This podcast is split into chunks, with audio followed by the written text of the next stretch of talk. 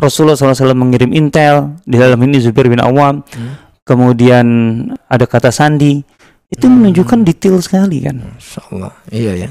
Dan itu dipakai loh sampai sekarang ya. oh iya Konsep-konsep itu. ya. artinya bukan berarti bahwa karena Rasulullah SAW itu dibela Allah kemudian ada malaikat kemudian semuanya serba wahyu. istilahnya apa mukjizat gitu loh enggak orang pakai kata sandi pakai segala Hmm. nah bahkan kemudian Rasul membentuk tim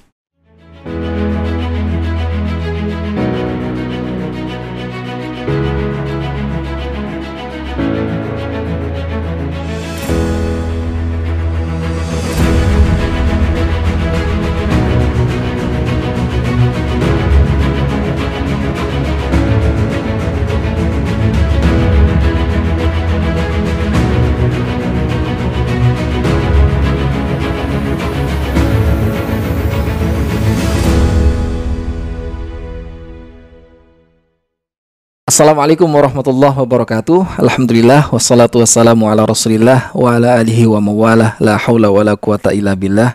Amma ba'd. Alhamdulillah senang sekali saya Umar El Rozi bisa kembali menyapa sobat Sirah di mana pun anda saat ini berada. Masih di channel Sirah TV, sebuah channel yang menyajikan tayangan eh, seputar Sirah Nabawiyah dan sejarah peradaban Islam. Kembali materi seputar eh, sejarah peradaban Islam. Kali ini masih terkait dengan Rasulullah Shallallahu Alaihi Wasallam. Kita akan coba kaji selama 30 menit ke depan, masih bersama guru kita yang terus mengedukasi kita semua dengan materi-materi tentang Nabi dan para sahabatnya. Oke, ada guru kita di sini, Ustadz Asef Sobari. Assalamualaikum, Ustadz. Waalaikumsalam warahmatullahi wabarakatuh Kabar baik, Ustadz? Alhamdulillah Masya Allah, terus dah. semangat terus nih kayaknya, Ustadz ya. harus lah Untuk mengedukasi. Ya. Insya Allah Insya Allah Ustadz, kita masih belum jauh-jauh nih dari eh, kisah Rasulullah dan para sahabat. Terutama melanjutkan topik sebelumnya ya. Masih tentang perang Ahzab atau eh, Khandaq. Khandaq. Hmm. Ini kayaknya panjang banget, Ustadz. Kayaknya jadi satu film kalau dibikin film ya. bisa Bisa ya. Bukan peperangan Rasulullah tapi khusus Ahzab saja ya. Ya, bisa karena banyak sebenarnya banyak yang terkait ya kita Hmm. udah membahas berapa kali nih tiga kalau nggak Tiga salah ya. dan tampaknya ada permintaan untuk dilanjutkan dalam Hmm. arti supaya tuntas Hmm. saya juga merasa memang lebih pas kalau kita tuntaskan aja sekalian Hmm. sebagai contoh gitu bagaimana kita mengupas eh, materi yang judulnya perang Khandaq gitu Hmm. Atau perang Ahzab Ya. Eh, bahwa judulnya adalah perang tapi sebenarnya materi di dalamnya banyak Hmm. sekali pelajaran-pelajaran penting bagi kita gitu yang Ya. memang sangat layak untuk diajarkan Hmm. kepada atau sangat baik untuk diajarkan kepada eh, generasi-generasi muda gitu dan anak-anak kita untuk pembekalan ya. Iya. Eh, perlu diulang mungkin untuk ditekankan bahwa ketika berbicara perang bukan hanya soal baku hantam saat ya. Oh iya, itu berulang kali kita katakan Iya, itu, hmm. gitu ya. Jangan sampai asumsinya adalah ngobrolin perang, Mhm. adalah ngobrolin baku hantam. Iya. Justru sebelum, setelah, Dan sedang termasuk berjalannya pun, berjalannya ya? iya, iya, iya. Karena karena pengertian maghazi dalam secara secara ilmiah ya, Mhm, pengertian pengertian maghazi mhm. Eh yang sering diartikan sebagai peperangan karena secara bahasa itu peperangan, bukan hanya baku hantam saja Oke. pada dasarnya gitu tapi sirah secara umum. Iya, artinya banyak sisi yang terkait dengan Hmm. dengan magza di situ gitu. Mhm. Dari sejak pra Ya. eh, sudah saat berlangsung berjalan sampai Hmm. setelahnya yang terkait gitu ya. Baik. Jadi pastiin teman-teman buat yang belum menyimak atau baru saja menemukan channel ini boleh cek video kami sebelumnya ya yang tentang Ahzab ada tiga episode dan kali ini adalah lanjutannya. Ini hikmah apa yang kita bisa ambil dari pertemuan kali ini Ustaz? Bismillah wassalatu wassalamu ala rasulillah wa ala alihi wa sahbihi wa man tabi'ahu wa wala amma ba'd. Kita akan membicarakan bagian akhir kali ya. Artinya eh, eh, untuk menyingkat ini pun Oke. sekali lagi memang sebenarnya materinya eh, banyak sebenarnya terkait dengan Ahzab ataupun Khandaq, Mm. tapi kita coba ringkas. Jadi kita coba ingin membahas eh, bagian akhir dari peristiwa ini Ahzab ataupun Khandaq Mm. eh, intinya bagaimana eh, Ahzab berakhir bubar Mm. gagal gitu ya Endingnya Rasulullah menang gitu. endingnya kaum muslimin menang di sini Oke. gitu ya dan ini eh, tepatnya atau lebih pasnya kita mulai dari pengkhianatan Bani Quraidah Mm. karena ini akan juga kemudian terkait dengan kelanjutannya Ya. setelah Ahzab itu dalam sirah eh, ya pasti Bani Quraidah peristiwanya kan Hmm. pengepungan Bani Quraidah tapi ini sudah di luar Ahzab Mm. eh, penyerangan Itu atau pengepungan Bani Quraidah. Ya seharus harusnya jadi part sendiri Oke. lah gitu ya. Tapi kita tuntaskan azabnya dulu lah Oke. gitu ya. kita mulai dari pengkhianatan Bani Quraidah. Um, Siapa ini Bani Quraidah? nah, Bani Quraidah adalah kelompok Yahudi terakhir yang bertahan di Madinah. Hmm. Kan sebelumnya ada tiga kelompok Iya. besar, gitu Mhm. kan? Ada Bani Qainuqa, ada Bani Nadir, dan ada Mhm. yang terakhir Bani Quraidah. Itu sebelum-sebelumnya pada ke mana saat yang yang uh, Eh, Bani Nadir dan sebagainya? Bani- Terusir atau dieksekusi? Qainuqa dulu, Mm-mm. Qainuqa gagal melewati Badar, dalam arti setelah Badar, Mm-mm. efek dari Badar itu kan oh, kuat sekali ya. Artinya eh, kaum muslimin jelas-jelas em, memiliki reputasi yang luar biasa gitu ya. Artinya baik di dalam maupun di luar gitu. Artinya bahwa kekuatan kaum muslimin terbukti loh. Ya. Sangat kuat gitu loh. Dan itu yang eh, menyesakkan Yahudi secara umum. Makanya kita lihat kan ada reaksi dua kelompok yang sebenarnya luar luar biasa ya kalau kita ukurnya melalui piagam Madinah yang itu merupakan semacam MOU ataupun kesepahaman antar semua penduduk Madinah termasuk Yahudi Mm.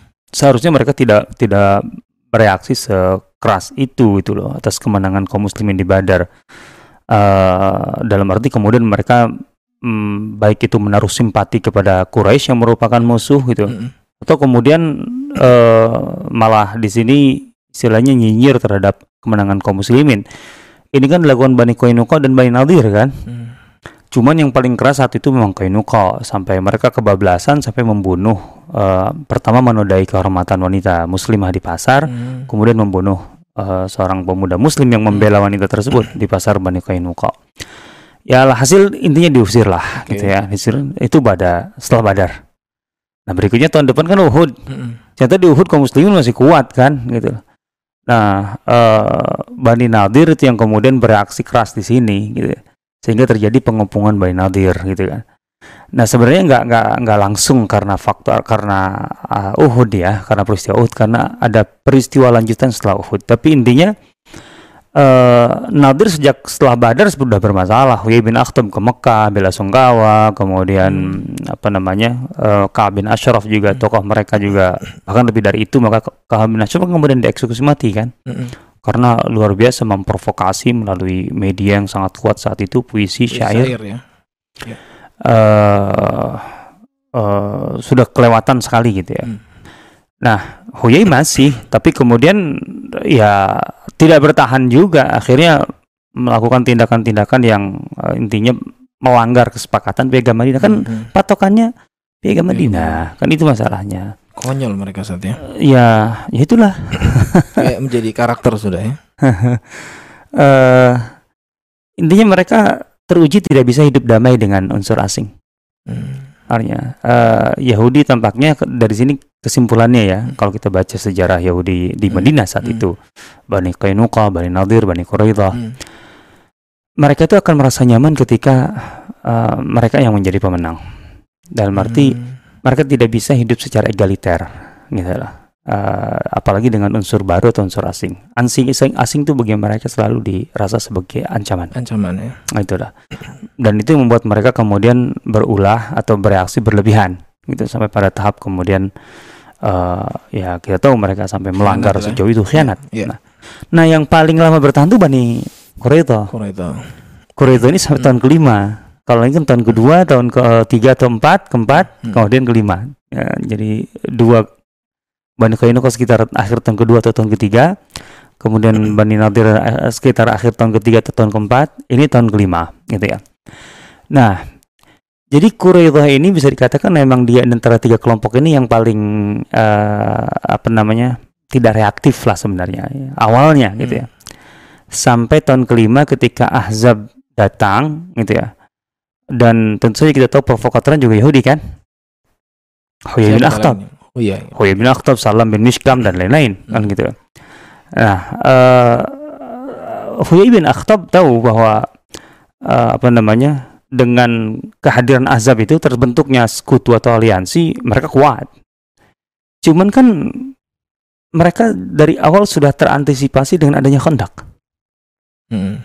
Artinya yang dari luar itu nggak bisa masuk. Iya. Nah, sementara kan sekali lagi masalah pengepungan itu intinya kuat-kuatan kan, yang Hmm. mengepung atau Hmm. yang dikepung kan di sini. Iya. Nah, kuncinya adalah bagaimana yang dikepung dalam hal ini Madinah, Rasulullah SAW dan kaum muslimin itu daya tahannya jebol. Kan itu yang diinginkan kan. Sehingga kemudian uh, paling tidak kan nyerah kan. Artinya menyerah secara sukarela ataupun kalau digempur kemudian tidak kuat gitu ya. Nah, bagaimana caranya? Kan tidak bisa mengandalkan dari luar karena ada khandak. Nah, maka Huyai bin Akhtab masuk ke Bani Quraidah di sini. Karena Quraidah menjadi sangat penting dari segi geografis. Mereka ada di dalam Madinah gitu bagaimanapun. Hmm. Artinya secara area ya. ya. Uh, bukan dari pusat enggak, tapi uh, dalam kawasan uh, dalam Madinah. Sehingga kalau Quraidah itu berhasil ditarik menjadi bagian Ahzab, maka pertama itu akan menambah jumlah ya, uh, ya. ya hmm. jumlah kekuatan mereka. Hmm. Otomatis juga logistik karena mengepung juga kebutuhan logistiknya hmm. kan eh, nggak uh, kebayang itu uh, artinya harus harus bisa unlimited gitu kan nah maka dengan adanya Bani Quraidah dari dalam kan mereka bisa disuplai secara logistik kan dari penduduk dari penduduk Madinah kan hmm. artinya yang tinggal di Madinah kan nah itu tapi lebih dari itu kemudian mereka bisa uh, mengancam Madinah dari dua arah dari depan dan belakang posisi Bani Quraidah itu ada di Tenggara Madinah. Nanti bisa lihat di sini ya. Tenggara, kalau dalam peta itu Tenggara Madinah. Okay. Gini aja, kalau kita ke Masjid Nabawi, yeah. ini yang sudah haji dan umroh. Kalau hmm. belum susah juga bayanginnya. kita kan menghadap ke kiblat ya, okay. ke Mekah itu kan ke selatan tuh. Nah, barat hanya di sini ya. Apa namanya? Kiblat ke barat kan di sini aja. Lah iya. Oke, itu ke selatan terus. gitu. Uh, kemudian kan uh, apa namanya uh, selat ke selatan, oke. Okay? Hmm. Ah, ke kiri itu kan otomatis timur. Oke. Okay. Iya kan? Nah. Ke, ke apa uh, makam itu Baki ke Baki itu, ke arah Baki itu timur, timur otomatis. Ya, Jadi ya. uh, semua tenggara jadinya. Karena Baki nggak persis di timur sebenarnya, hmm. jadi agak ke tenggara. Hmm.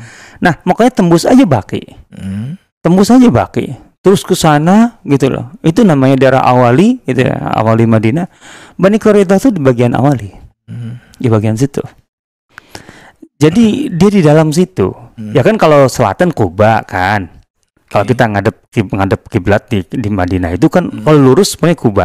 Geser kiri dikit. Ah itu Bani Quraidah. Hmm. Bani Quraidah di situ. Hmm. Nah, di situ kan memang perkebunan kan.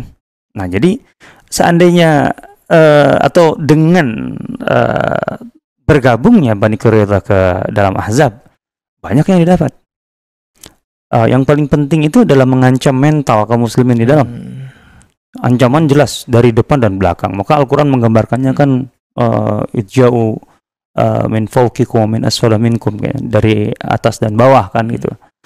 Ya bawah itu Bani Quraidah itu hmm. kan dari bawah Madinah hasilnya.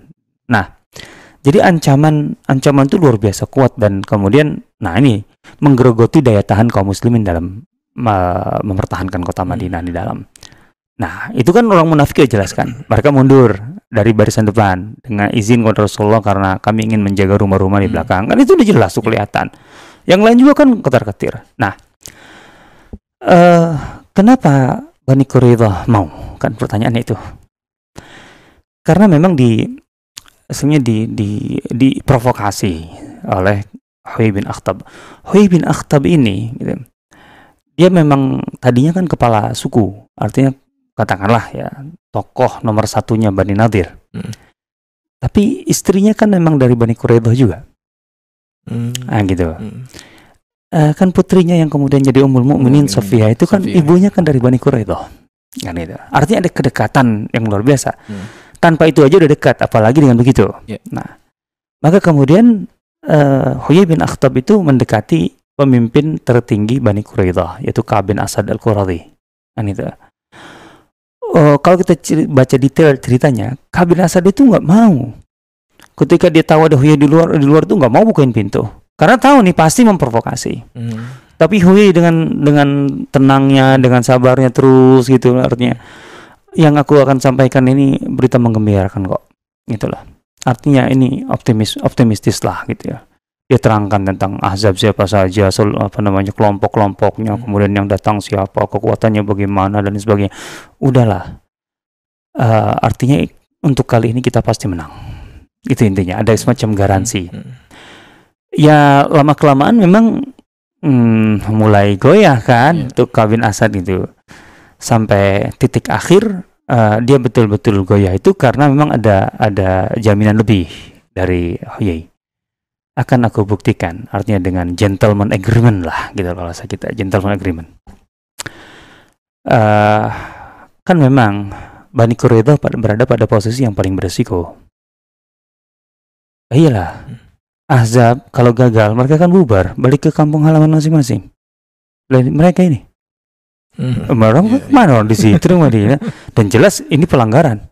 Artinya mereka paham kok bahwa ini pelanggaran. Hmm. Makanya Kabin Asad awalnya kan nolak besar karena artinya Hmm. mereka terancam karena ini pelanggaran terhadap piagam Madinah. Nah, setelah ada garansi tadi bahwa untuk kali ini kita akan berhasil dan terakhir kemudian aku tidak akan meninggalkan kalian. Kalau seandainya sampai ini gagal gitu, aku akan bersama kalian. Kalian habis, aku habis. Wah, Hmm. dari situ, dari situ artinya mulai kemudian akhirnya jebol juga. Nah, kan berita ini akhirnya sampai ke Rasulullah SAW. Ini yang menarik. Lewat Hmm. wahyu atau ada? Wah, enggak, enggak, enggak. Ada mata-mata, Hmm. gitu, ada mata-mata. Dan kemudian Rasulullah SAW, gitu, Rasulullah SAW, eh, yang jelas, yang jelas, ya, setelah itu memastikan. Artinya setelah ada berita awal, kemudian memastikan, gitu loh. Melalui Zubair bin Awam. Zubair bin Awam itu diutus berkali-kali untuk menyerap informasi, memastikan sampai kemudian ada kata sandi di situ. Kata sandi dari eh, Zubair itu, adl waqara. Gitu ya. Artinya pengkhianatan. Karena adl dan qara ada dua kelompok yang berkhianat setelah Hmm. Uhud gitu loh. Itu ada kelompok Arab yang berkhianat kepada Rasulullah SAW.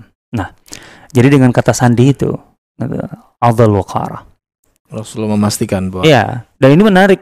Artinya bahwa Rasulullah SAW mengirim intel di dalam ini Zubair bin Awam, Hmm. kemudian eh, apa namanya ada kata sandi, itu Hmm. menunjukkan detail sekali kan. Masya Allah. Iya ya.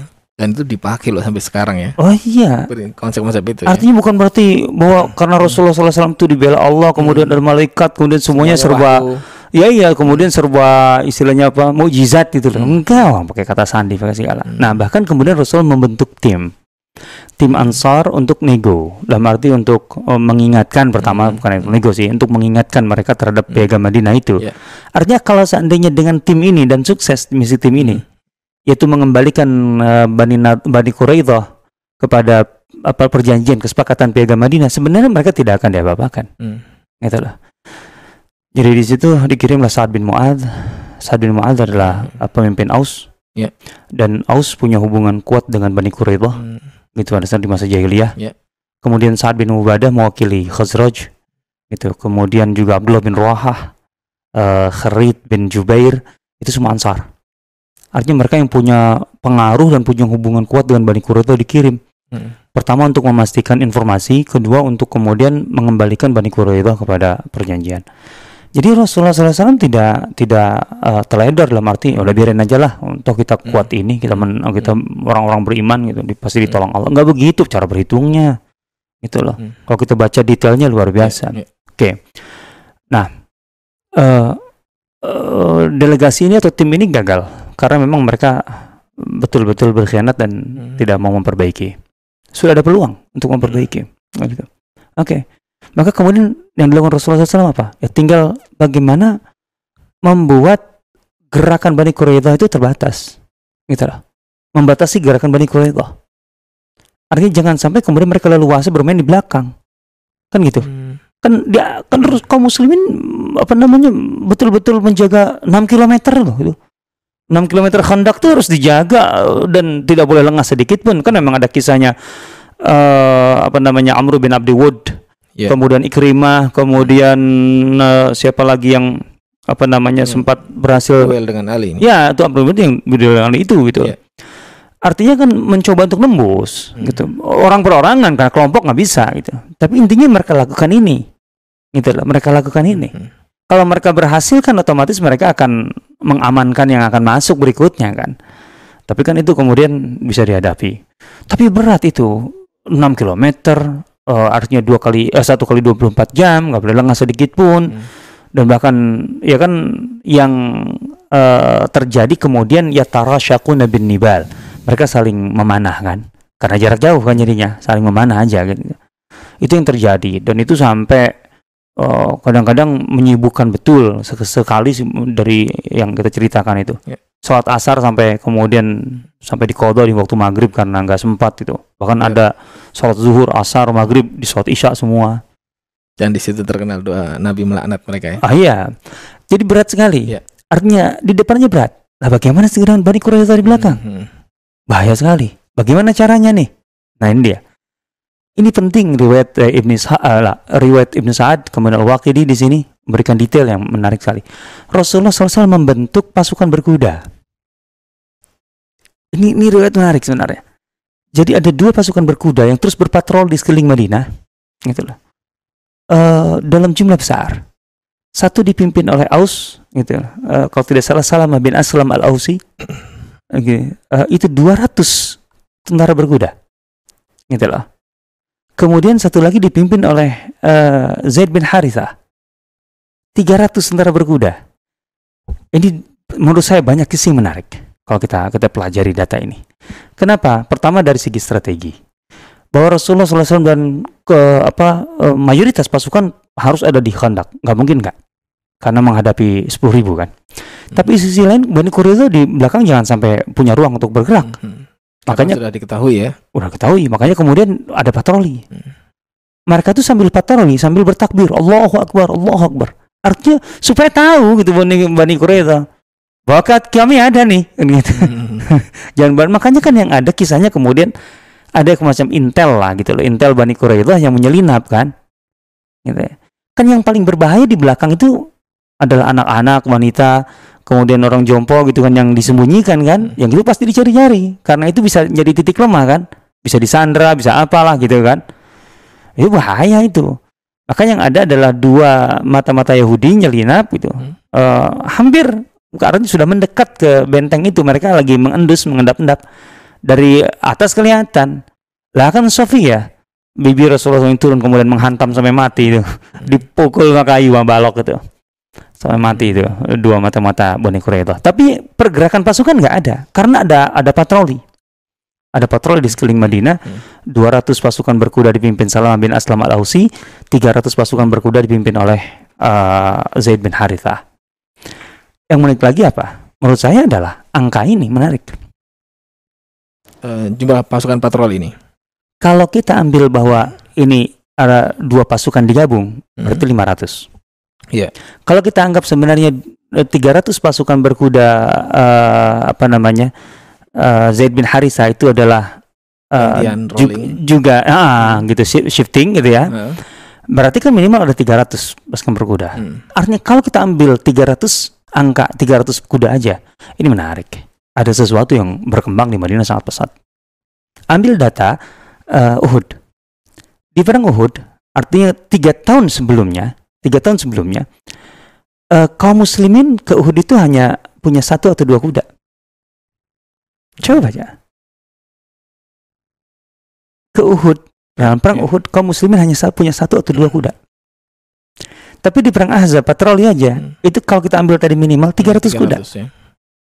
Artinya dalam dua tahun di Madinah ada pertumbuhan, ada perkembangan angka Hmm. dari dua, eh eh, nggak nyampe tiga tahun ya, dua tahun karena itu akhir tahun kedua. Eh Uhud tahun ketiga sorry, tahun ketiga empat lima. Dalam dua tahun ada pertumbuhan angka dari dua ke tiga ratus. Ini artinya apa? Ini artinya adalah pertama eh, ada pertumbuhan ekonomi karena kuda mahal. Iya. Kuda di kisaran eh, angka rata-ratanya harga kuda di kisaran eh, 70 dinar kali 4 7 kali 4 sekitar eh, berapa coba? Banyak lah. Ratusan juta. Oke. Ya, ratusan juta gitu ya. Hmm. Eh, Iya, ratusan juta intinya. Oke. Jadi eh, ada pertumbuhan ekonomi berarti di Madinah. Karena dengan ada 300 ekor kuda, dari mana? Kan gitu. Selain kalau kita ambil dari ghanimah ya, sendok ghanimah. Tapi ghanimah nggak akan sebesar itu. Gitu. loh. otomatis di situ juga kalau kita bicara ada pertumbuhan ekonomi berarti ada perkembangan pasar gitu ya karena memang kalau kita baca Ibnu Syabbah akhbar Madinah gitu di Madinah itu ada ada ada pasar khusus pasar kuda ada pasar domba hmm. ada ada loh hmm. dalam perkembangannya di zaman Rasulullah SAW ya. ini menunjukkan ada pengembangan uh, pengembangan pasar uh, gitu kemudian ekonomi pertumbuhan ekonomi gitu yeah. Ya. uh, dan kaum muslimin ketika punya sampai saat itu ketika punya kelebihan harta mereka fokusnya adalah uh, bagaimana membeli uh, perlengkapan-perlengkapan yang memang itu menunjang risalah atau misi besar Islam saat itu saat, karena kalau untuk kehidupan mereka masih sulit artinya untuk keseharian masih ya, sulit yeah. secara logistik kaum muslimin itu baru nyaman setelah Khaybar tahun 7 tahun 5 itu belum belum nyaman tapi mereka sudah bisa mengembangkan kuda loh Nah, kalau kita makan enggak, itu makan dulu yang dibuat nyaman kan, sebelum yang lain-lain. Itu yeah, yeah. itu hal-hal menarik ini. Angka ini menarik sekali menurut saya. Hmm. Data dari Ibnu Sa'ad dan Waqidi ini terkait dengan itu. Selain masalah strategi tadi. Yeah. Oke. Okay. Nah dari sini kemudian, uh, artinya dengan adanya pengkhianatan Bani Quraidah tidak ada pengaruh besar hmm. terhadap apa namanya uh, kondisi tapi perang Ahzab itu iya. itu ya hmm. uh, ya awalnya memang sempat mengguncang tapi semuanya kemudian bisa di cover bisa diantisipasi hmm. oleh Rasulullah bisa diatasi dengan semua pendekatan itu ya kembali kepada uh, siapa yang lebih tahan lebih sabar kemudian? Antara yang mengepung atau dikepung? Kan gitu. Isbiru wasabiru warabitu kan gitu. Pelaksanaan dari ayat ini kan. Isbiru wasabiru warabitu isbiru kalian sabar ke dalam. Sabiru. Musuh kalian sabar. Buat diri kalian lebih sabar untuk bertahan hmm. uh, dibanding mereka. Hmm, kan gitu. Nah, uh, akhirnya kemudian otomatis uh, Ahzab ini kelimpungan kan. Bagaimana kemudian mereka merencanakan penyerangan uh, serangan istilahnya serangan fajar atau serangan total lah istilahnya gitu. Ini mau tidak mau harus buat gebrakan total kan. Nah, di saat mereka merencanakan itu, qadar Allah, Nuaim bin Mas'ud masuk Islam. Ini dari kalangan mana Ustaz? Ghatafan. Ghatafan. Ghatafan. Nuaim bin Mas'ud masuk Islam. Dia nah. posisinya masih di seberang Ahzab itu. Iya masuk kemudian. Hmm. Dia masuk ke dalam. Hmm. Masuk ya kita tidak uh, artinya saya saya bukan kita ya. Saya nggak dapat riwayat uh, prosesnya bagaimana dia iya mulai uh, apa namanya tertarik masuk Islam terus hmm. kemudian dia nyebrang dan bagaimana yeah. kemudian menemui Rasul. Tapi intinya uh, sudahlah uh, dia berhadapan-hadapan dengan Rasulullah SAW karena karena riwayatnya dalam Sahih riwayat Bukhari gitu ya. Uh, kemudian Nuaim bin Masud uh, singkat cerita gitu uh, membuka gitu kepada Rasulullah ya Rasulullah apa yang bisa aku lakukan dengan kondisi ini hmm. nah kata Rasulullah ya kamu sendirian artinya kalau menghadapi perang dalam arti uh, ya untuk menjadi bagian tentara kan otomatis gitu kan. Yeah. Tapi kan ini ada per perkembangan baru. Ini orang baru masuk Islam. Bagaimana bisa dimanfaatkan nih gitu. Hmm. Karena kan tidak diketahui oleh yang oleh oleh teman-temannya hmm. ataupun kawan-kawannya, mitra-mitranya. Hmm. Ya sudah kata Rasulullah. Sekarang ini kan ini masalahnya Ahzab ini kan kekuat kekuatannya ada pada aliansi itu, pecah. Kan dari awal memang Rasulullah kan memecah kan. Yeah, yeah sejak bahwa Al Haris Al Gotawani yang nawar minta apa namanya setengah panen kurma hmm. Madinah itu kan Rasul memang sakit dulu pecah kekuatan ini coba kau pecah dan Rasul memberikan kata kunci ya, uh, apa al harbu khida hmm. dan kau harus apa intinya harus menipu yeah. gitu ya namanya juga pecah adu domba hmm. gitu. karena memang perang itu intinya ya itu tipu daya tipu daya, tipu daya nggak jangan jujur-jujuran dalam perang. Yeah. Repot kalau hmm. jujur. hmm. uh, nah, artinya strategi dalam perang itu intinya adalah tipu daya. Nah, maka bagaimana dipecah nih antara Gotofan, Quraisy, kemudian uh. Tentu yang paling berbahaya itu kan sebenarnya uh, dulu kan, hubungan Quraidah dengan Ahzab ini. Ya. Nah, maka dia datang ke Quraidah dia punya punya latar belakang hubungan baik dengan Quraidah sebelumnya. Artinya dengan tokoh-tokoh Quraidah punya hubungan. Maka dia ngobrol. Artinya bisa diterima gitu. Ini sudah terlalu lama. Kan itu. Ini sudah terlalu lama. Artinya apa kalian optimistis kalau kalian akan menang? Kan kita dengan begini, kan itu.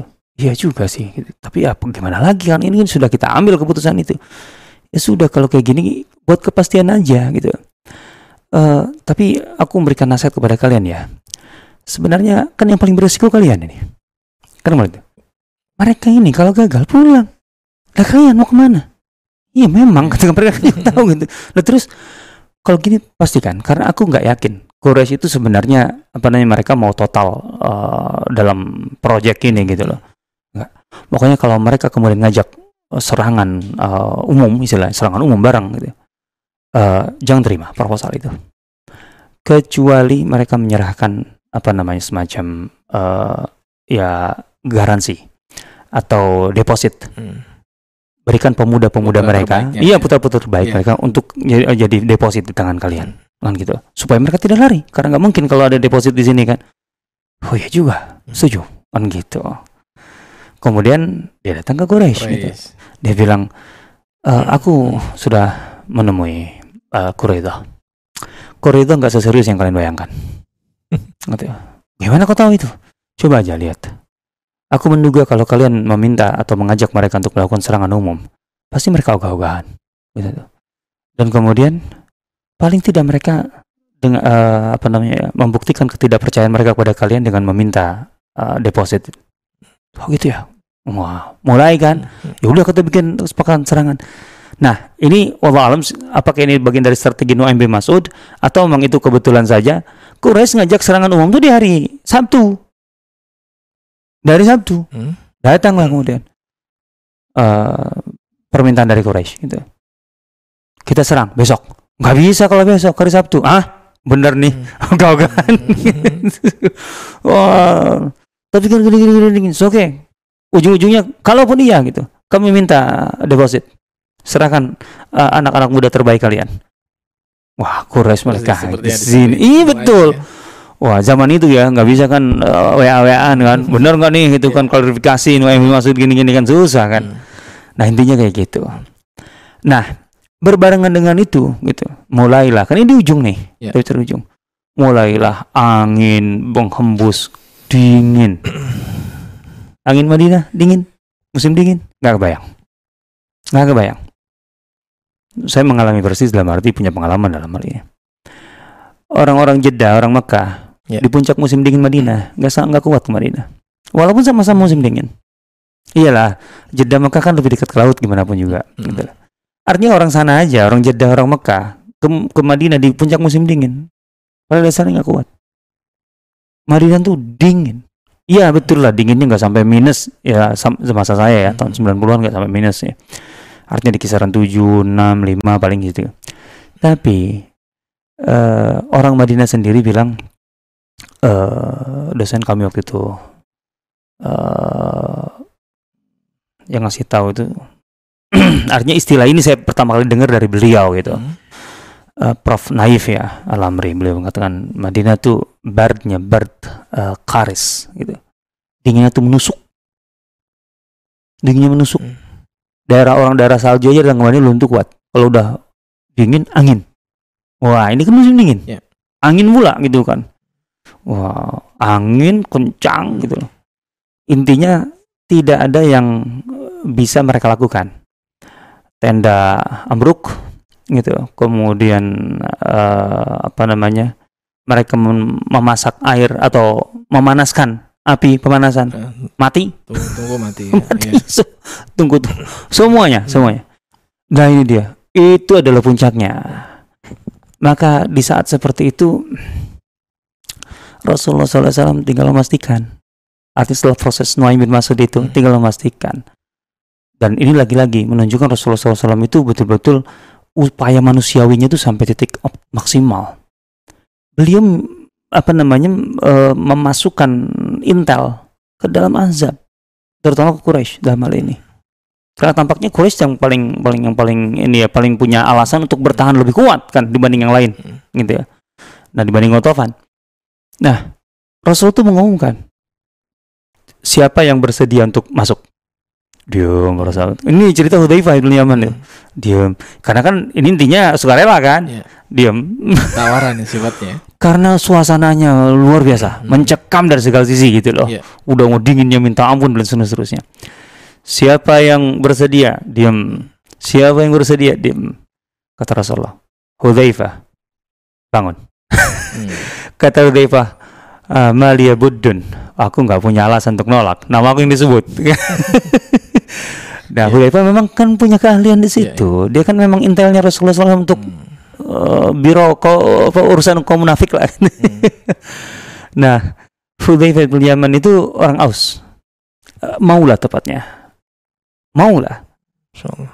Dia aslinya orang orang orang Dhubya, orang Abas. Abas itu bagian dari Ghatafan. Eh, apa? Bukan. Maaf, bagian dari Najd. Abas dan Dhubyan. Hmm. Bagian dari, dari Iya, bag- bagian dari Ghatafan bahkan. Iya, Najd. Hmm. Betul. Betul. Jadi dia itu eh, tapi apa namanya lahirnya di Madinah, tumbuhnya di Madinah karena ayahnya tinggalnya di Madinah jadi Iya. maula Maula. Bani Abdul Ashal gitu ya. Nah dia masuk, nah ketika masuk itu yang berdiri Abu Sufyan. Kan Rasul berpesan, jangan melakukan provokasi apa pun, jangan melakukan tindakan apa pun, hanya serap informasi. Apa keput kesimpulan keputusan terakhir mereka? Abu Sufyan berdiri.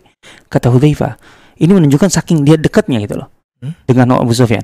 Aku berada di posisi dan aku sudah nyiapkan sebenarnya panah dengan busurku. Kalau aku mau nembak dia, kena pasti mati Abu Sufyan. Hmm.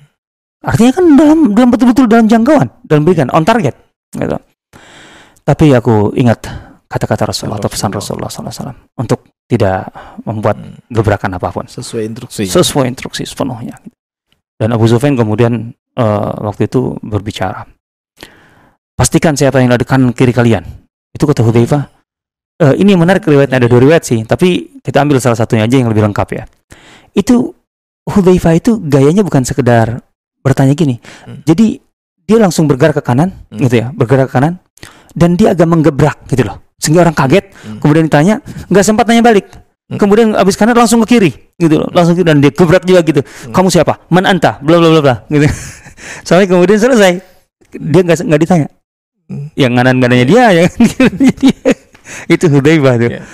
Nah, selesai. Intinya Abu Sufyan mengatakan eh, apa pun keputusan kalian, tapi aku artinya keputusanku Hmm. kita pulang. Ini sudah tidak mungkin. Artinya kita tidak mungkin bertahan. Kita tidak mungkin bertahan. Kan gitu. Aku pulang. Wah, padahal itu kan resikonya luar biasa. Artinya mereka kerugian segalanya itu. Hmm. Itu total pengepungan berapa hari saat? Saat itu hampir sebulan, sebulan lebih bahkan. Ya? Dari Syawal sampai ke kalau lihat Ibnu Sa'ad kan di Hmm. kisaran tanggal 8 Zulqa'dah. Gitu ya. Artinya di kisaran pertengahan Zulqa'dah lah. Itu kan juga minim atau bahkan nyaris nggak ada kontak fisik ya. Jadi ada korban ini nggak Sat? Ada, ada Tetap tiga ada ya? dari apa namanya kaum musyrik Hmm. dan enam dari kaum muslimin. Karena panah, Hmm. Karena Iya. panah. Termasuk Sa'ad bin Mu'adz kan. Iya. Yang, yang Oh, iya, iya. Nah, kemudian Hudzaifah apa namanya eh, Memberikan report. menyeberang, memberikan laporan tengah malam. Laporan kepada Hmm. Rasulullah. Rasulullah sedang apa? Sedang sholat di tengah dingin itu Hmm. dan di luar Hmm. sedang sholat. Gitu. Ah ini. Ini yang luar biasa kan. Kemudian sampai Rasulullah tuh bayangkan di tengah dingin itu melepaskan jubahnya dan kemudian memberikannya kepada uh, Hudzaifah Al- sebagai reward gitu kan. Ya. Karena saking bahagianya. Di situ kan kita tahu doanya Rasulullah SAW gitu. Uh, Allahumma munzila sahab sari al hisab gitu. ihzim al ahzab gitu. Allahumma ihzimhum gitu wazalzilhum ya Allah engkaulah yang menurunkan eh, awan engkaulah yang membuat secepat-cepatnya perhitungan ya Allah hancurkanlah azab itu kan di ujung setelah satu bulan Hmm. artinya artinya doa ini dan istilahnya doa dan pengkabulan doa ini bukan berarti dari awal udah selesai gitu Ya. loh gitu. Hmm. Ini Allahumma ihzimhu ya Allah hancurkan mereka wazalzilhum guncang mereka Hmm. artinya mereka tidak lagi padu kokoh kuat. Gitu lah. Dan itu akhir dari azab gitu loh Kalau nasib Yahudi sendiri tadi gimana Sat? nanti aja lah. Kita bahas khusus aja. Bani Quraidah kan? Iya. akhirnya Bani Quraidah kan? Iya. ya karena ini kan Hmm. sebenarnya kalau dari segi peristiwa eh, ada irisan cuman kan itu dua tema yang berbeda tentang, tentang pengepungan Bani Quraidah bagaimana prosesnya sampai kemudian Bani Quraidah eh, apa namanya dieksekusi oleh Rasulullah SAW. Baik, jazakallah ya Ustaz. Tuntas ya Tuntas azab. bincang kita tentang Cukup. azab ya. Ada empat episode, teman-teman bisa simak di episode-episode sebelumnya ya, atau cek deskripsi di bawah ini ya. Eh, demikian obrolan kita di kesempatan kali ini tentang perang Ahzab dan next mudah-mudahan kita bisa membahas lebih detail lagi tentang uh, Bani Koinuko Ustaz ya. Quraidah. Ah, Bani Quraidah, sorry. ya, karena ada eh, riwayat juga yang menarik yang cukup terkenal tentang eh, sholat itu ya Ustaz ya. Ah, Jangan sholat asar gitu ya. kecuali di Bani Iya, dan itu jadi catatan penting. Oke, kita akan jumpa di next episode insyaallah. Subhanakallahumma bihamdika asyhadu an la ilaha illa anta astaghfiruka wa atubu ilaik. Assalamualaikum warahmatullahi wabarakatuh. Waalaikumsalam. Thank you.